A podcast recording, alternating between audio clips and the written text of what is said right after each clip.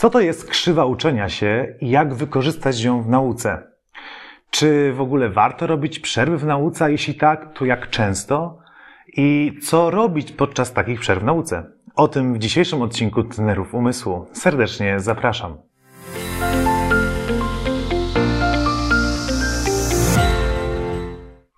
Cześć.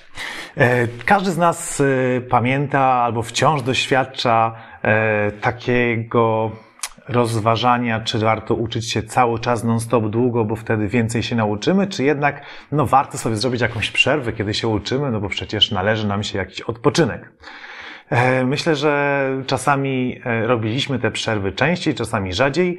Myślę, że częściej mają one formę pewnego uciekania od, y, od obowiązku, że musimy się uczyć, pewnej prokrastynacji, że coś odsuwamy w czasie, szczególnie to, co jest dla nas trudne, a rzadziej są to takie naprawdę przerwy, które mają służyć efektywniejszej nauce.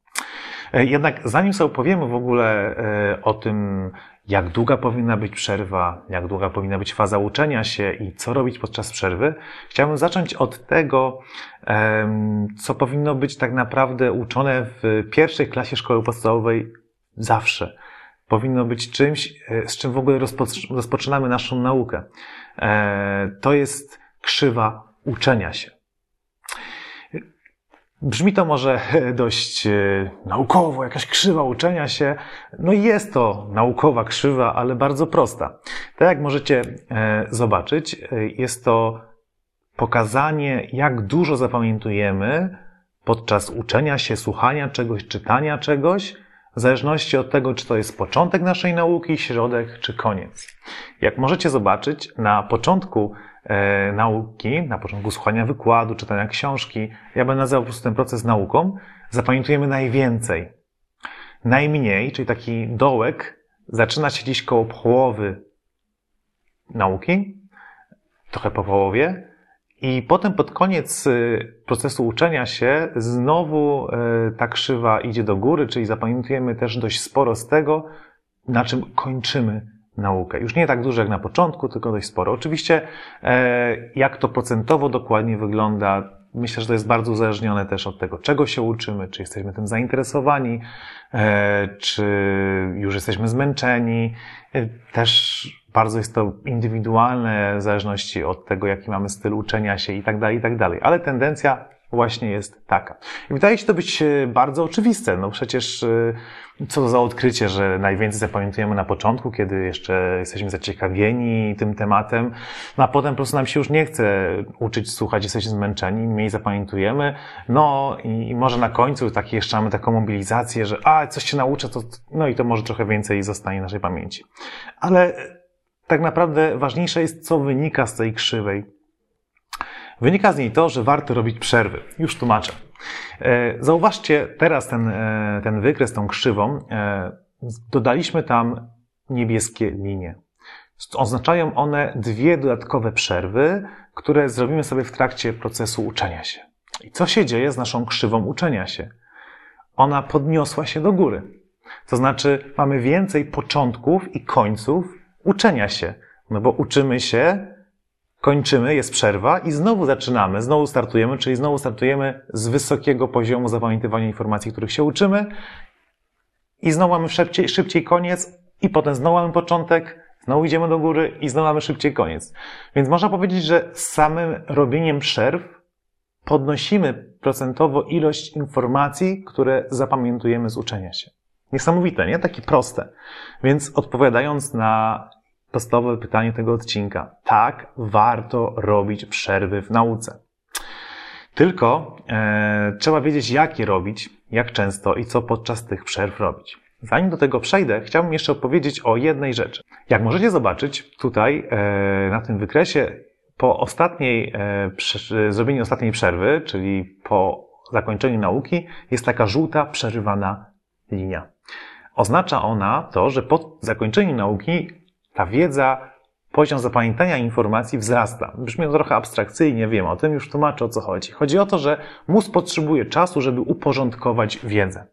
Nazywa się to konsolidacją śladów pamięciowych e, i dzieje się to przede wszystkim podczas naszego snu, dlatego warto dać mózgowi czas na odpoczynek. Zarywanie nocy tylko po to, żeby się non-stop uczyć bez przerwy i jeszcze nie daj, żeby bez aktywnej powtórki jest po prostu bez sensu. Jeżeli chodzi o aktywną powtórkę, to zachęcam i zapraszam do obejrzenia jednego z wcześniejszych odcinków trenerów umysłu, gdzie mówimy o tym, co to jest aktywna powtórka i dlaczego ona jest tak istotna. E, wracając do, do naszej nauki i przerw w nauce. Skoro już wiemy, że trzeba robić sobie przerwy w nauce, że trzeba dać mózgowi czas na odpoczynek, to warto e, odpowiedzieć teraz na pytanie, jak długie mają być te przerwy i jak długa ma być faza uczenia się. To oczywiście jest e, bardzo kwestia zróżnicowana, zależna od naszych predyspozycji, więc też zachęcam Was, żebyście nie trzymali się tego tak super sztywno, że ja powiem, że tyle minut, to już minuta dłużej to jest źle, albo minuta krócej to jest źle. Też trzeba samemu patrzeć, na ile jesteśmy po prostu skoncentrowani. E, nasz mózg jest, e, jak to często używamy w naszych, naszych e, filmach, podcastach, terminu inteligentnym leniem. Nasz mózg w naturalny sposób nie dopuszcza zbyt wielu informacji do siebie, nie przetwarza ich do pamięci długotrwałej, po to, żeby e, zużywać mniej energii, e, żeby zoptymalizować zużycie energii. Dlatego trzeba e, zachować pewną świeżość i ta świeżość, ta koncentracja uwagi nie może być zachowana przez, nie wiem, dwie godziny ciągłej nauki. Mówi się też, że nie możemy uczyć się zbyt krótko, na przykład 10 minut czy 15 minut, ponieważ y, nie zdążymy tak naprawdę złapać tak zwanego flow, takiej głębokiej koncentracji, takiego e, naprawdę tu i teraz, że się uczymy i, i tylko na tym się skupiamy. Dlatego podaje się, że e, dobry czas nauki to jest pomiędzy 20 a 45 minut. Znowu, niektórzy mówią, że to jest 25 a 30 minut. Spotkacie się też e, z informacjami, że do godziny. E, jednak moim zdaniem godzina już jest zdecydowanie za długą, e, za długim okresem uczenia się. Optymalnie jest to około 30 minut jedna seria nauki. I potem następuje przerwa. Ta przerwa nie może być za krótka, nie może to być 2-3 minuty, ale też nie powinna być zbyt długa, czyli powiedzmy maksymalnie 10 minut. I teraz co jest najważniejsze? Przerwa jest przerwą. E, wiem, że brzmi to śmiesznie, ale czy nie jest tak, jak powiedziałem na początku tego filmu, że często dla nas przerwa jest bardziej formą ucieczki od tego, co aktualnie robimy, e, do czegoś łatwiejszego, na przykład, o, podczas przerwy ja sobie szybko powtórzę wiedzę, albo podczas przerwy ja nauczę się czegoś innego, co sprawia mi mniej trudności i potem wrócę do tego. No nie, to nie jest przerwa. Nasz mózg potrzebuje innych bodźców, potrzebuje e, być na nowo wyrywany ze swojego znużenia, ze takiej, w cudzysłowie, nudy, w którą wpadł. Czyli bardzo jest ważne, żeby było to kompletnie coś innego niż nauka. Na przykład, jeżeli uczyliśmy się e, czegoś ze słuchu, słuchaliśmy jakiegoś nagrania, wykładu, to warto w tym czasie e, odprężyć się, e, nie słuchając czegoś innego, jakiejś muzyki, ale na przykład oglądając jakieś fajne, nie wiem, zdjęcia na przykład z wakacji. E, kiedy uczyliśmy się patrząc na coś, to może warto właśnie teraz czegoś posłuchać. Na przykład jakiejś muzyki. Muzyka e, tak przy okazji może wywoływać u nas bardzo e, różny efekt. Czasami może być to muzyka, która nas bardzo wyciszy, uspokoi i pomoże nam się skoncentrować, a czasami może być muzyka, która nas pobudzi do działania. To też w zależności jakiej muzyki będziemy słuchać, ale to już chyba temat na inny odcinek trenerów umysłu. Podczas przerwy to, co by było najlepsze, żebyśmy zrobili, to zrobić jakieś ćwiczenie fizyczne. Najlepiej na świeżym powietrzu. Nie zawsze mamy taką możliwość, ale możemy równie dobrze w domu na chwilę uchylić okno, żeby e, wpadło trochę świeżego powietrza, zrobić, e, nie wiem, 10 pompek, 20 przysiadów, pobiec trochę w miejscu. Dlaczego? Dlatego, że po pierwsze będzie to zupełnie coś innego niż robiliśmy do tej pory. Z reguły uczymy się na siedząco i teraz zmienimy pozycję. Po drugie, zwiększymy e, tętno, czyli zwiększy się szybkość przepływu krwi przez mózg, czyli dotlenimy mózg. E, nie wiem, czy wiecie, że mózg e, zjada 20% e, tlenu, który dostarczamy naszego organizmu. Więc on jest takim trochę tlenożercą i go potrzebuje. A jak mamy lepszy przepływ krwi przez mózg, no to lepiej się uczymy. Też trzeba zauważyć, że taka przerwa też jest pewną gratyfikacją, jest pewną nagrodą dla naszego mózgu. Dlatego, kiedy mamy świadomość, że po 30 minutach uczenia się będziemy mieli 10-minutową przerwę, to trochę wyczekujemy tego, jakbyśmy wyczekiwali nagrody. Jakbyśmy wyczekiwali, nie wiem, wypłaty w pracy, w pracy, jakbyśmy wyczekiwali dobrej oceny od nauczyciela. I kiedy ją otrzymujemy, wzrasta dopamina. E, dopamina, czyli taki hormon szczęścia, można powiedzieć, e, hormon e, takiego relaksu, e, który pomoże nam się jeszcze lepiej potem skupić na kolejnej fazie uczenia się. Dlatego tak ważne jest, żeby tą naukę dobrze rozplanować.